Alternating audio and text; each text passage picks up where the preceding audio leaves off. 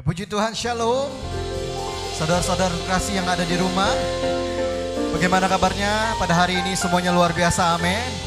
Yang luar biasa sama-sama kita akan memuji nama Tuhan. Sama-sama kita ajak seluruh keluarga kita, kita berdoa terlebih dahulu. Haleluya, haleluya. Bapak kami sungguh bersyukur Tuhan, terima kasih buat segala kebaikan-Mu Tuhan. Dalam kehidupan kami Tuhan yang tidak pernah ada habisnya bagi setiap kami Tuhan. Kini kami datang Tuhan memuji menyembah Engkau Tuhan. Kami menaikkan syukur kami Tuhan hanya kepadamu Yesus. Bila Engkau yang bertata di atas pujian-pujian kami. Kami percaya Tuhan Roh Kudusmu juga hadir bagi setiap kami Tuhan. Baik yang ada di tempat ini dan juga yang ada di rumah Tuhan. Kami percaya Tuhan Engkau Allah yang selalu ada bagi setiap kami Yesus. Terima kasih Yesus hanya dalam namamu. Kami yang percaya sama-sama kita katakan. Amin. Sekali lagi berikan tepuk tangan yang paling dahsyat buat Tuhan kita. Mari kita bangkit berdiri. Kita akan memuji nama Tuhan. Haleluya. Wow, wow, wow, wow.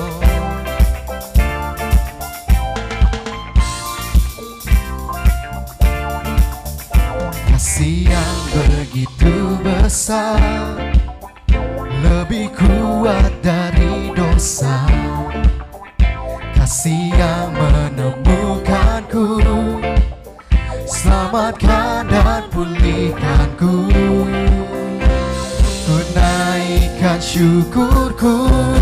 Ku tak akan berhenti Memuji, meninggikan namamu selalu. Menari, memuliakanmu Dibebaskan, dibangkitkan Hidup yang kau beri. Dan kini hanya untukmu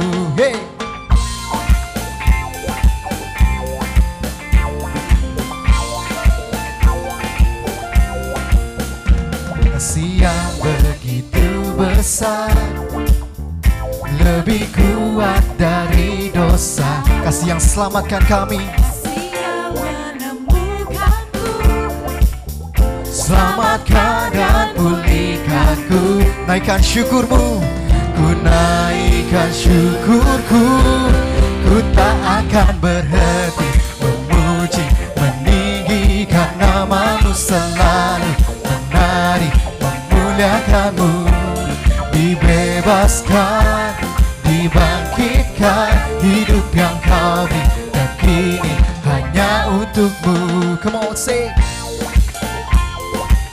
dan memusik memuji Tuhan. Kami mau naikkan syukur kami hanya bagimu Yesus.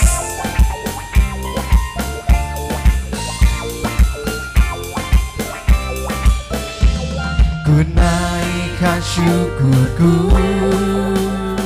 Ku naikkan syukurku Ku tak akan berhenti memuji Meninggikan namamu selalu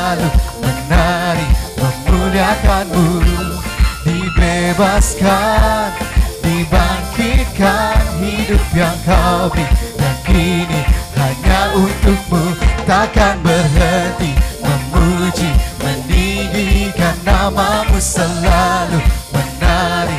Memuliakanmu Dibebaskan. Dibangkitkan Hidup yang kau beri hanya untukmu Hidup yang kau beri Dan kini hanya untukmu Hidup yang kau beri Dan kini hanya untukmu Haleluya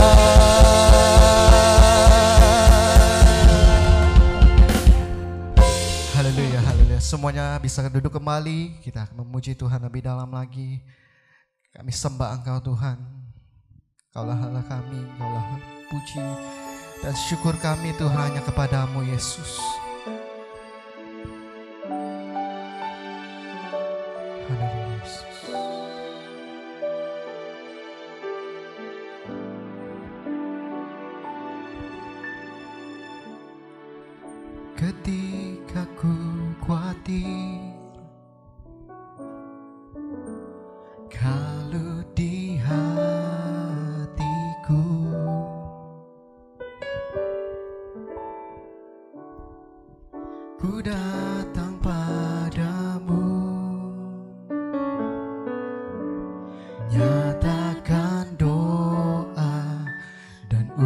ucapan syukur.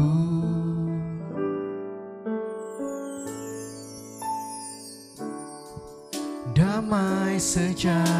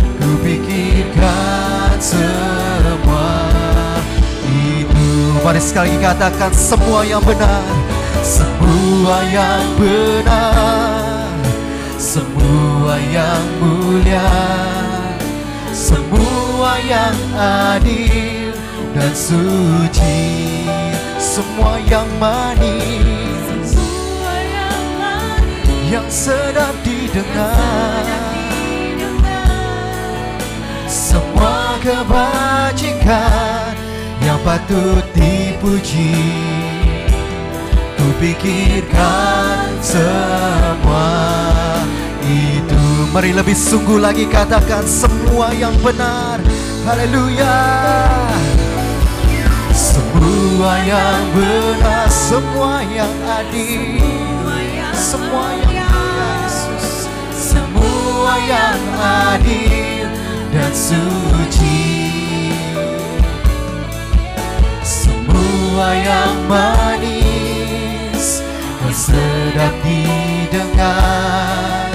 Semua kebajikan yang patut dipuji. Ku pikirkan semua itu. Semua kebajikan yang patut dipuji pikirkan semua itu. Semua kebajikan yang patut dipuji Ku pikirkan semua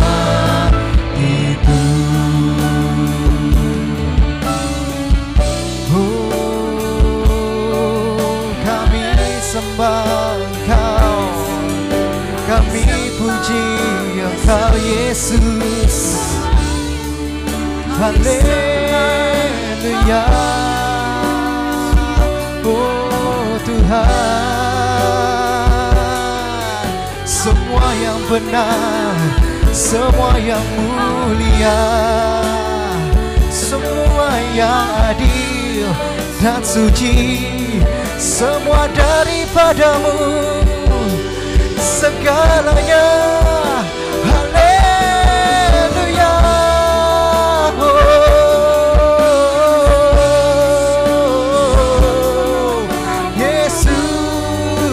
Tuhan Yesus Tuhan. Oh Engkau dahsyat. Haleluya Haleluya. Biar kami pikirkan semua yang kau sediakan bagi setiap kami Yesus. Kau sungguh baik dan teramat baik Tuhan. Haleluya Haleluya Yesus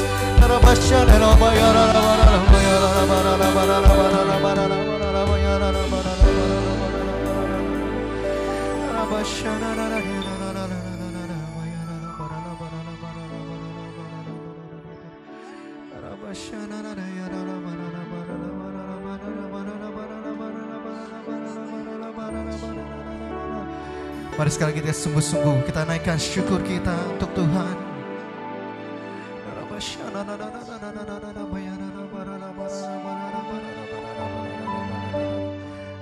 Percaya, kami percaya.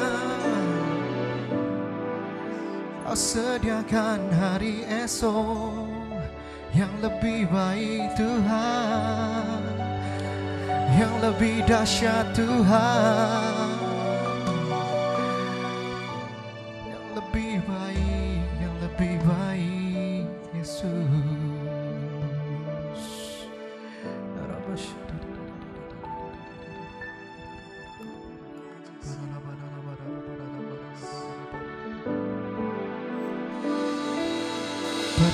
Percayalah esok hari lebih baik. Percayalah Tuhan beri yang terbaik. Jangan takut dengan apa yang terjadi. Tuhan janji dia pasti menyertai Mari sama-sama kita bangkit berdiri katakan Percayalah esok hari lebih baik. Percayalah Tuhan beri yang terbaik. Jangan takut dengan apa yang terjadi. Tuhan janji dia pasti menyertai. Percayalah, percayalah esok hari lebih baik. Percayalah, percayalah Tuhan beri yang terbaik. Jangan takut dengan apa yang terjadi Tuhan janji dia pasti menyertai. Mari sekali lagi katakan percayalah. Yes Lord. Lebih baik. Percayalah Tuhan. Beri yang terbaik. Jangan takut dengan apa yang terjadi Tuhan janji dia pasti menyertai. Tuhan janji dia pasti menyertai. Tuhan beri yang terbaik. Berikan sorak-sorai yang paling dahsyat buat Tuhan kita. Haleluya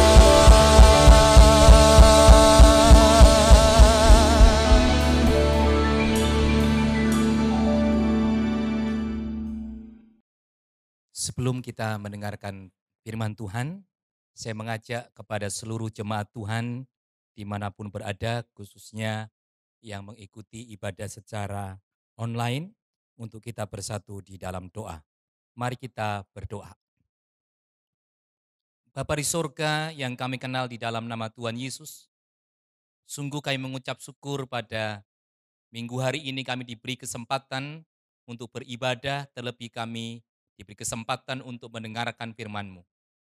Karena kami sadar ya Tuhan, dalam perjalanan iman kami, kami memerlukan firman Tuhan yang mampu meneguhkan kami, yang mampu mengarahkan kami, yang memberi kami pengharapan di tengah berbagai macam tantangan iman kami di zaman ini. Sebab itu kami minta supaya Roh Kudus menolong kami semuanya. Demi nama Yesus, kami mengucap syukur dan berdoa. Amin. Salam jemaat yang dikasih oleh Tuhan di mana pun berada. Kita mengucap syukur kepada Tuhan jikalau pada pagi hari ini kembali kita diberi kesempatan untuk mendengarkan firman Tuhan. Tema yang akan kita renungkan pada perenungan pada pagi hari ini yaitu transformasi pikiran di era pandemi. Dan saya memiliki kata kunci di sini yaitu metanoio. Jemaat yang dikasih oleh Tuhan, ketika kita berbicara tentang bagaimana pikiran kita, sudah disampaikan oleh beberapa hamba Tuhan pada hari-hari minggu sebelumnya, bahwa memiliki peran yang sangat signifikan dalam kehidupan ini. Terutama ketika mengambil sebuah keputusan-keputusan dalam hidup kita. Pertama-tama yang ingin saya bagikan kepada kita semua sebagai jemaat yang tunduk kepada firman Tuhan, bahwa ternyata transformasi pikiran adalah suatu seruan bagi semua manusia. Kita bisa membaca di dalam bagian firman Tuhan, di dalam kisah para rasul, pasal yang ke-17, ayat yang ke-29, sampai ayat yang ke-30 yang berbunyi demikian. Karena kita berasal dari keturunan Allah, kita tidak boleh berpikir bahwa keadaan ilahi sama seperti emas atau perak atau batu, ciptaan kesenian dan keahlian manusia. Dengan tidak memandang lagi zaman kebodohan, maka sekarang Allah memberitakan kepada manusia bahwa di mana-mana semua mereka harus bertobat. Kata harus bertobat berasal dari kata metanoeo. Yang berarti adalah memiliki perubahan pikiran. Bagian firman Tuhan ini memang dibicarakan oleh Rasul Paulus ketika ia berada berada di Athena dan sedang berdiskusi, berdialog dengan orang-orang di Athena yang memang mereka merasa bahwa mereka keturunan atau berasal dari benih yang ilahi. Namun mereka sedang memiliki pikiran yang bertentangan dengan firman Tuhan karena mereka menjadikan emas, perak, atau batu, atau kesenian dan keahlian mereka sebagai yang mereka pertuhankan dalam hidup mereka. Oleh sebab itulah mengapa Paulus pada zaman itu memberitakan bahwa semua manusia mendapat seruan untuk bertobat. Karena manusia pada zaman itu menjadikan ciptaan baik itu emas, perak atau batu, bahkan keahlian manusia sebagai yang dipertuhankan dalam hidup mereka. Pikiran mereka menolak kebenaran yang sejati bahwa mereka memerlukan Tuhan yang sejati yang menyelamatkan mereka, yaitu Yesus Kristus. Oleh sebab itu mengapa Paulus dalam bagian ini meminta kepada semua pendengarnya, bahkan dikatakan bahwa semua manusia diminta untuk bertobat. Diminta untuk mengalami transformasi pikiran yang tadinya mengandalkan segala berhala-berhala duniawi, bahkan mengandalkan keakuannya, keahliannya. Sekarang mereka diminta untuk mengandalkan Tuhan, untuk meminta pertolongan kepada Tuhan, untuk menyembah kepada Tuhan yang benar, yang diperkenalkan melalui Yesus Kristus. Jemaat yang dikasih oleh Tuhan.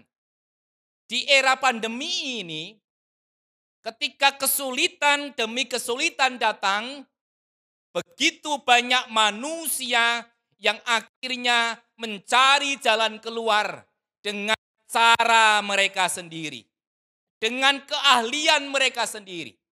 Tidak banyak dari manusia yang terus teguh berdiri dalam iman. Oleh karena tantangan-tantangan di era pandemi ini, banyak orang pergi ke dukun. Banyak orang menjadi penyembah-penyembah berhala. Banyak orang mengandalkan keahliannya. Mereka bekerja keras dan akhirnya lupa bahwa mereka perlu tetap percaya kepada Tuhan. Di era pandemi ini membawa manusia kembali memikirkan hanya dirinya sendiri dan mengandalkan berbagai macam yang bisa diandalkan. Mungkin pekerjaan mereka, mungkin jabatan mereka, mungkin segala sesuatu yang menjadi pengharapan mereka dan mereka melupakan bahwa ada yang lebih daripada itu yang mereka sekarang sedang lupakan. Pikiran mereka hanya tunduk kepada berhala-berhala keinginan-keinginan duniawi. Sebab itu sekali lagi, transformasi pikiran, metanoeo, adalah seruan kepada setiap orang, setiap manusia yang tidak mengandalkan Tuhan. Yang tidak mau percaya dan meninggalkan Tuhan yang benar yaitu pencipta langit bumi yang ditinggalkan oleh manusia pada zaman itu. Seruan ini juga disampaikan kepada kita semua yang mendengarkan firman Tuhan saat ini di mana pun kita berada. Mungkin oleh karena berbagai macam keadaan, kita menjadikan bahwa diri kitalah sang penentu segalanya. Keahlian kitalah Kreativitas kitalah yang akan menjadi penentu kita akan bisa melewati semuanya ini. Kerja keras kitalah semua aku, aku, aku. Bahkan mungkin ada yang mengandalkan emas, ada yang mengandalkan kekayaan, ada yang mengandalkan tabungan, ada yang mengandalkan segala hal atau orang hebat dan lain sebagainya. Tapi mereka lupa, mereka tidak mengandalkan Tuhan dalam hidup mereka.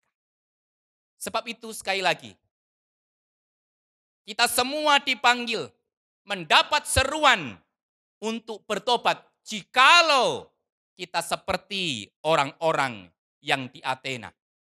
Lalu yang kedua, yang ingin saya sampaikan dalam perenungan firman Tuhan pada pagi hari ini. Bahwa mengalami transformasi pikiran atau mengalami metanoeo itu berarti siap dituntun dan taat kepada firman Tuhan. Dikatakan oleh firman Tuhan dalam Filipi pasal yang pertama, maaf pasal yang keempat, ayat 8 dan 9 berkata begini. Jadi akhirnya saudara-saudara, semua yang benar, semua yang mulia, semua yang adil, semua yang suci, semua yang manis, semua yang sedap didengar, semua yang disebut kebajikan dan patut dipuji, pikirkanlah semuanya itu. Ayat 9, dan apa yang telah kamu pelajari, dan apa yang telah kamu terima, dan apa yang telah kamu dengar, dan apa yang telah kamu lihat padaku, lakukanlah itu. Maka Allah sumber damai sejahtera akan menyertai kamu. Mengalami transformasi pikiran atau mengalami pertobatan atau mengalami metanoeo itu berarti adalah kesiapan kita, kesediaan kita dituntun, dipenuhi, memikirkan bahwa seluruh pikiran kita, hidup kita dikendalikan dengan segala yang baik. Yang datang dari Tuhan, segala yang benar, segala yang mulia, yang adil, yang suci, yang manis, yang sedap didengar, yang semuanya itu datang oleh karena karya Kristus. Dan itu semua telah diajarkan, telah diterima, maka harus dilakukan. Ketika kita menghadapi tantangan di era pandemi ini, banyak orang Kristen, banyak orang percaya yang tidak lagi mau dituntun oleh firman Tuhan. Tidak mau lagi mengalami transformasi pikirannya. Tidak mau dipengaruhi pikirannya dengan segenap apa yang dikatakan oleh firman Tuhan. Karena mereka sedang berusaha dengan kekuatan manusia untuk bertahan dalam tantangan di era pandemi ini. Tetapi firman Tuhan pada pagi hari ini mengajarkan supaya ketika kita sedang menghadapi tantangan di era pandemi ini, pikiran kita selalu dituntun oleh firman Tuhan. Yaitu segala apa yang dikehendaki oleh Tuhan. Bukan hanya kita mau dituntun saja, tetapi dikatakan di sini juga harus mau taat kepada firman Tuhan. Tentu yang diajarkan oleh Paulus apa yang telah diterima di jemaat di Filipi, apa yang telah didengar oleh jemaat di Filipi, itu adalah tentu firman Tuhan. Sehingga mengapa Paulus berkata, lakukanlah itu. Sekali lagi, jikalau kita mengevaluasi, siapakah yang mengalami transformasi pikiran itu, adalah mereka yang siap dituntun dan siap taat kepada firman Tuhan. Satu contoh. Bahwa dunia berkata, kebenaran dunia berkata bahwa kerja keras pasti akan membawa hasil. Benar. Itu prinsip yang memang menjadi prinsip dunia.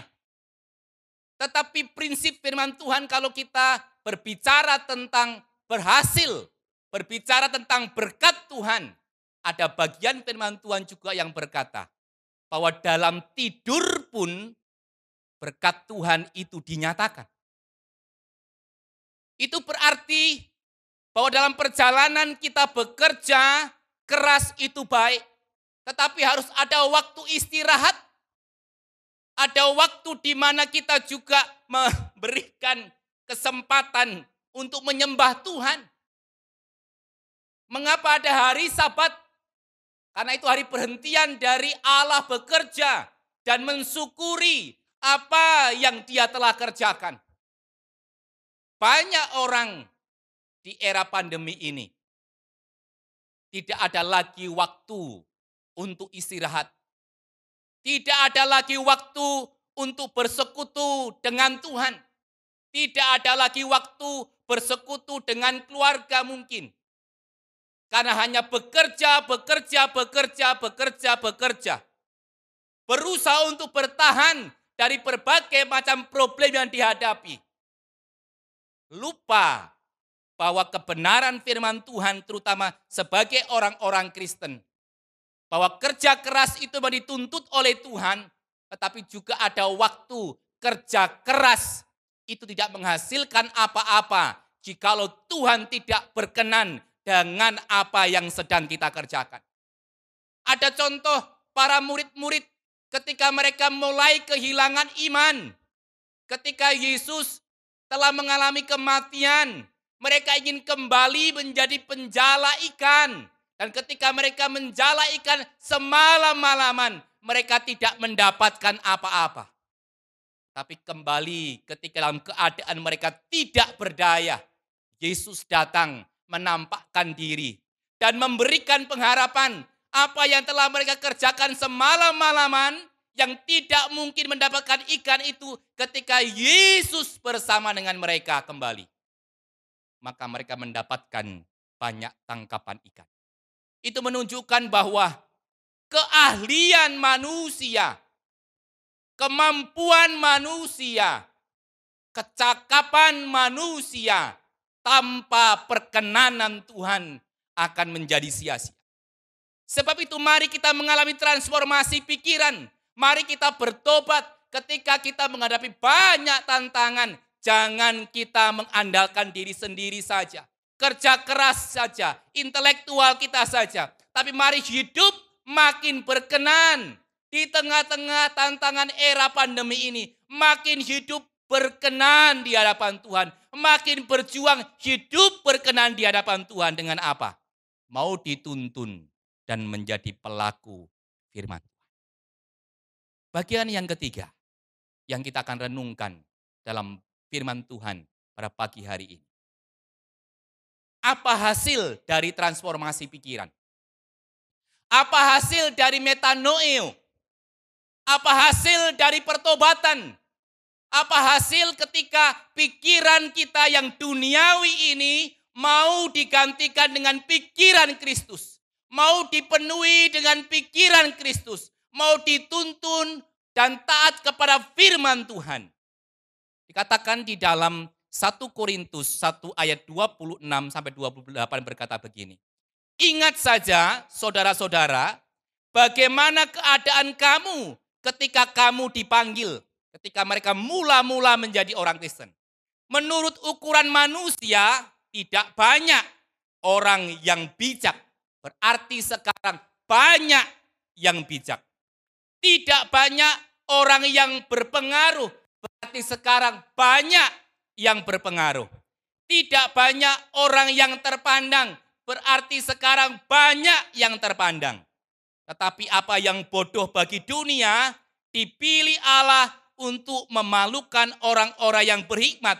Dan apa yang lemah bagi dunia dipilih Allah untuk memalukan apa yang kuat dan apa yang tidak terpandang dan yang hina bagi dunia dipilih Allah.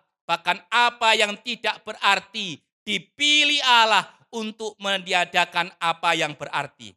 Supaya jangan ada seorang manusia pun yang memegahkan diri di hadapan Allah.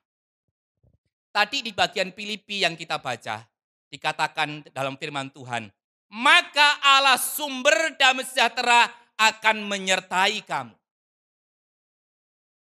Jikalau kita mengalami metanoeo, kita mengalami transformasi pikiran, maka kita akan mengalami yang namanya penyertaan Tuhan. Kalau kita baca di dalam satu Korintus ini, bahkan dikatakan begini ayat 23. Tetapi kami memberitakan Kristus yang disalibkan untuk orang-orang Yahudi suatu batu sandungan dan untuk orang-orang bukan Yahudi suatu eh, kebodohan. Tetapi untuk mereka yang dipanggil baik orang Yahudi maupun orang bukan Yahudi, Kristus adalah kekuatan Allah dan hikmat Allah. Dikatakan juga di dalam apa yang kita baca pada pasal 2 juga dikatakan begini ayat 16, sebab siapakah yang mengetahui pikiran Tuhan sehingga ia dapat menasihati dia, tetapi kami memiliki pikiran Kristus. Jemaat yang dikasih oleh Tuhan, di mana pun kita berada. Mungkin kita sedang berada dalam situasi yang sulit di era pandemi ini. Tetapi jikalau kita selalu meminta perkenanan Tuhan. Jikalau kita selalu ingin mengalami pertobatan, kita mengalami transformasi pikiran, kita mau mengalami metanoeo itu. Kita mau dituntun oleh firman, mau hidup taat kepada firman, meninggalkan pikiran duniawi kita yang bagi orang Yahudi suatu batu sandungan, bagi orang Yunani sebagai sebuah kebodohan yaitu karya Kristus. Kalau kita menerimanya dan menjadikan pikiran Kristus itu memenuhi hidup kita, maka apa yang dialami? Yang tadinya tidak banyak orang bijak, ternyata sekarang jemaat di Korintus banyak orang bijak. Yang tadinya tidak ada orang yang banyak berpengaruh, sekarang banyak yang berpengaruh. Ada yang banyak tidak menjadi orang tidak terpandang, tapi sekarang menjadi banyak orang terpandang. Bahkan apa yang tidak mampu, apa yang tidak berarti, apa yang dipandang dunia ini tidak mungkin dipilih Allah untuk menyatakan bahwa siapa yang mengalami transformasi pikiran. Siapa yang mengalami metanoeo. Siapa yang mau menerima Kristus. Yang mau dituntun oleh Kristus. Yang mau menerima karyanya. Dan mau hidup dituntun. Mau hidup taat. Mau ikut jalannya Tuhan. Bukan jalannya sendiri. Kristus adalah kekuatan Allah. Dia akan menjadi sumber kekuatan kita. Karena dia akan beserta dengan kita. Enggak sekarang apa yang ada dalam diri kita. Mungkin sesuatu yang bagi dunia enggak mungkin bisa bertahan di era pandemi. Tidak mungkin bisa maju. Tidak mungkin dengan kemampuan kita. Kita akan buat terobosan, bertahan dan sebagainya. Itu dunia katakan. Tapi siapa yang menerima dan mengalami transformasi pikiran. Yang mengalami metanoeo, yang mau menerima Kristus, yang mau dituntun oleh firman Tuhan, yang mau dipenuhi oleh firman Tuhan, yang mau taat kepada firman Tuhan, hidup dalam prinsip-prinsip firman Tuhan, maka mereka akan dituntun oleh Tuhan. Ada banyak contoh dalam Alkitab. Anak-anak Tuhan, para rasul yang tinggal di satu zaman yang tidak mungkin. Kadang mereka harus melarikan diri, mereka harus kekurangan, mereka harus menghadapi aniaya, mereka harus menghadapi sesuatu yang sulit, tetapi selalu ada penyertaan Tuhan, selalu ada pemeliharaan Tuhan bagi orang-orang yang menjadikan Kristus sebagai teladan dalam kehidupannya. Hari-hari ini, jikalau saya dan juga seluruh jemaat Tuhan di mana pun berada, engkau berpikir bahwa engkau tidak mampu, aku tidak punya apa-apa, kemampuanku terbatas. Aku sudah kerja keras. Aku sudah melakukan ini itu semuanya menjadi gagal. Atau membuat kita sekarang sedang bertanya-tanya, kalau kita putus asa dengan menghadapi situasi seperti ini. Kembali, mari kita mengalami transformasi pikiran. Mari kita mengalami metanoeo. Maka dia, yaitu Tuhan, yang akan menyertai karya kita. Sehingga apa yang kita kerjakan kerja keras itu ketika ditambah dengan penyertaan Tuhan, hasilnya akan luar biasa. Bahkan ketika dalam pekerjaan-pekerjaan kita juga keterbatasan, keterbatasan kita diberi oleh Tuhan sebagai kesempatan supaya ia berkarya bagi kita. Dan ini tentu menjadi satu pengharapan bagi setiap pribadi kita ketika kita sedang menghadapi tantangan di era pandemi ini. Mari jemaat IHK di mana pun engkau berada. Mungkin ada yang mengalami tantangan dalam rumah tanggamu, suami, istri, anak-anakmu, pekerjaanmu, ekonomimu, finansialmu, dan lain sebagainya. Kembali kepada firman Tuhan. Siapa yang mengalami metanoeo? Siapa yang mengalami transformasi pikiran? Siapa yang mau taat dan tunduk kepada firman Tuhan, mau dipenuhi, mau dituntun oleh firman Tuhan, mau tunduk kepada firman daripada prinsip-prinsip dunia ini, mau hidup berkenan di hadapan Tuhan, maka kita akan menikmati demi penyertaan kepenyertaan yang baru. Pernyataan yang baru, pernyataan lebih heran, lebih heran, lebih heran. Sehingga akhirnya kita berkata, bukan karena aku Tuhan, tetapi oleh karena Engkau. Oleh karena Tuhan, aku memiliki pekerjaan ini. Aku memiliki kekayaan ini. Aku memiliki fasilitas ini. Aku memiliki keluarga ini. Bukan karena aku Tuhan. Tapi karena Tuhan yang berkenan memberikannya. Karena Tuhan yang menyertai. Tuhan yang menuntunnya. Sehingga kita tidak akan menjadi sombong. Tapi kita semakin tunduk dan semakin berkata, Tuhan terima kasih buat semua pemeliharaan. Membuat kita makin bersyukur di tengah-tengah tantangan kita. Karena Tuhanlah yang menjadi pertolongan kita. Kiranya setiap pribadi kita mengalami metanoe, mengalami transformasi pikiran. Dan inilah sebuah seruan dan siapa yang mengalami dan bagaimana syarat mengalami atau kriteria mengalaminya, yaitu kesediaan kita dituntun dan taat kepada firman Tuhan. Dan hasilnya adalah mengalami transformasi kehidupan. Siapa yang mengalami transformasi pikiran, pasti akan mengalami transformasi kehidupan. Seperti jemaat di Korintus. Kiranya apa yang dialami jemaat di Korintus, karena mereka mengalami transformasi pikiran, juga kita nikmati sebagai orang percaya di era ini. Di masa pandemi ini, kita mengalami transformasi kehidupan. Amin. Mari kita berdoa. Bapa di sorga, kami mengucap syukur kepadamu buat firman Tuhan pada minggu pagi hari ini. Bahwa ada satu janji firman Tuhan yang menjadi pengharapan buat kami. Bahwa kami semua diundang untuk mengalami transformasi pikiran. Karena memang manusia pada dasarnya mau dikendalikan oleh pikiran duniawi dan pikirannya sendiri. Tapi Tuhan mengundang dan berseru kepada kami melalui firman-Mu. Panggilan untuk kami semua mengalami transformasi pikiran metanoe. Dan ciri, tanda dari kami mengalami itu adalah kesediaan kami. Selalu mau dituntun oleh firman. Selalu mau taat kepada firman-Mu. Dan hasilnya adalah ketika kami mengalami transformasi pikiran, maka akan mengalami transformasi kehidupan. Seperti jemaah yang ada di Korintus. Yang tadinya bukan siapa-siapa. Dan dipandang rendah oleh dunia. Tapi ketika mereka mengalami metanoeo. Dan mau dituntun oleh firmanmu. Mereka mengalami transformasi kehidupan. Hamba berdoa bagi seluruh jemaat Tuhan. Bagi seluruh pelayan Tuhan gereja IHK di mana pun berada. Bahkan seluruh pendengar firman Tuhan di mana pun berada. Jikalau mereka mengalami pergumulan hidup ajarkan kepada kami semua mengalami metanoeo sehingga kami mengalami transformasi kehidupan.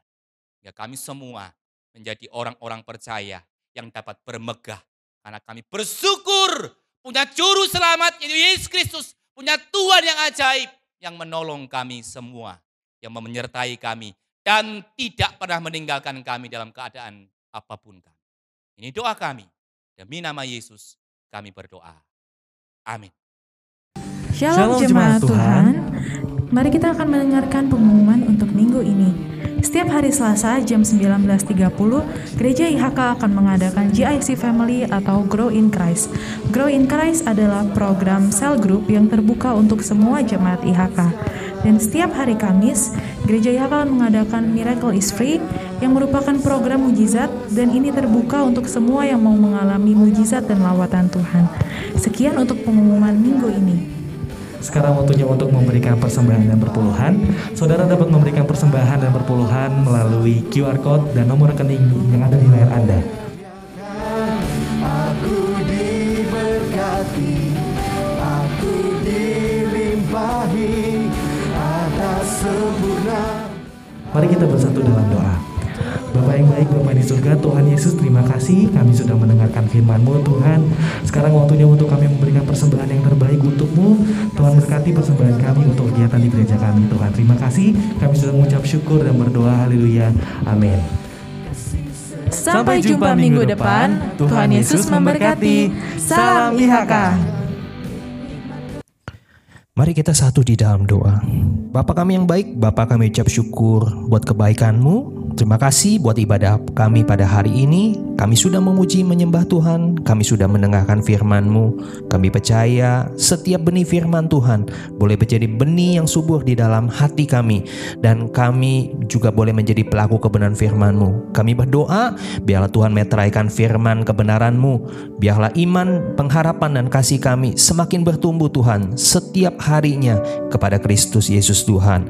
Kami juga berdoa untuk gereja kami dan gereja satelit IHK Dan kami berdoa untuk IHK Kota, IHK Bogor, Bandung, AS Ministry, dan juga IHK International. Semua Tuhan gereja kami, biarlah Tuhan mencukupi apa yang kami perlukan. Tuhan juga memberkati setiap gembala kami, gembala pelaksana satelit, dan setiap jemaat-jemaat gereja kami Tuhan.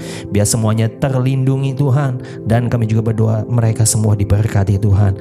Berdoa juga untuk setiap jemaat-jemaat IHK Tuhan yang setia di mana pun mereka berada. Kiranya tangan penyertaan Tuhan selalu menyertai dan melindungi mereka. Jauhi dari segala virus COVID dan Tuhan juga memberkati apa yang mereka kerjakan dan juga apa yang mereka usahakan. Kiranya Tuhan buat berhasil dan beruntung.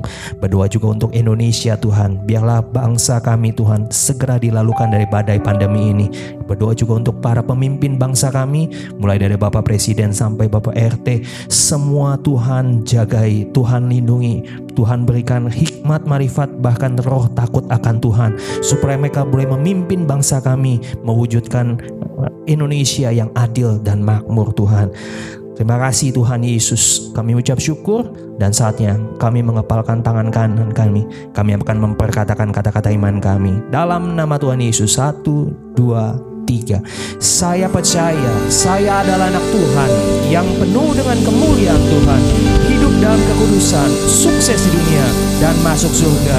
Saya percaya saya adalah anak Tuhan yang penuh dengan kemuliaan Tuhan hidup dalam kekudusan, sukses dunia, dan masuk surga. Saya percaya saya adalah anak Tuhan yang penuh dengan kemuliaan Tuhan, hidup dalam kekudusan, sukses dunia, dan masuk surga. Terima kasih Tuhan Yesus. Kami percaya apa yang kami perkatakan dengan iman percaya kami pasti terjadi di dalam nama Tuhan Yesus Kristus. Terima kasih dan saatnya sebelum kami pulang dan kami berpisah satu dengan yang lain, kami rindu Tuhan memberkati kami. Haleluya, haleluya, haleluya. Puji Tuhan sahabat IHK dan jemaat IHK di mana pun Anda berada. Semua mari kita bangkit berdiri, kita akan akhiri ibadah kita hari ini dan kita akan terima berkat yang datang daripada Tuhan Yesus Kristus. Buka kedua tanganmu, tengadahkan wajahmu di hadapan Tuhan. Haleluya, puji Tuhan. Jemaat IHK dan sahabat IHK di mana pun Anda berada.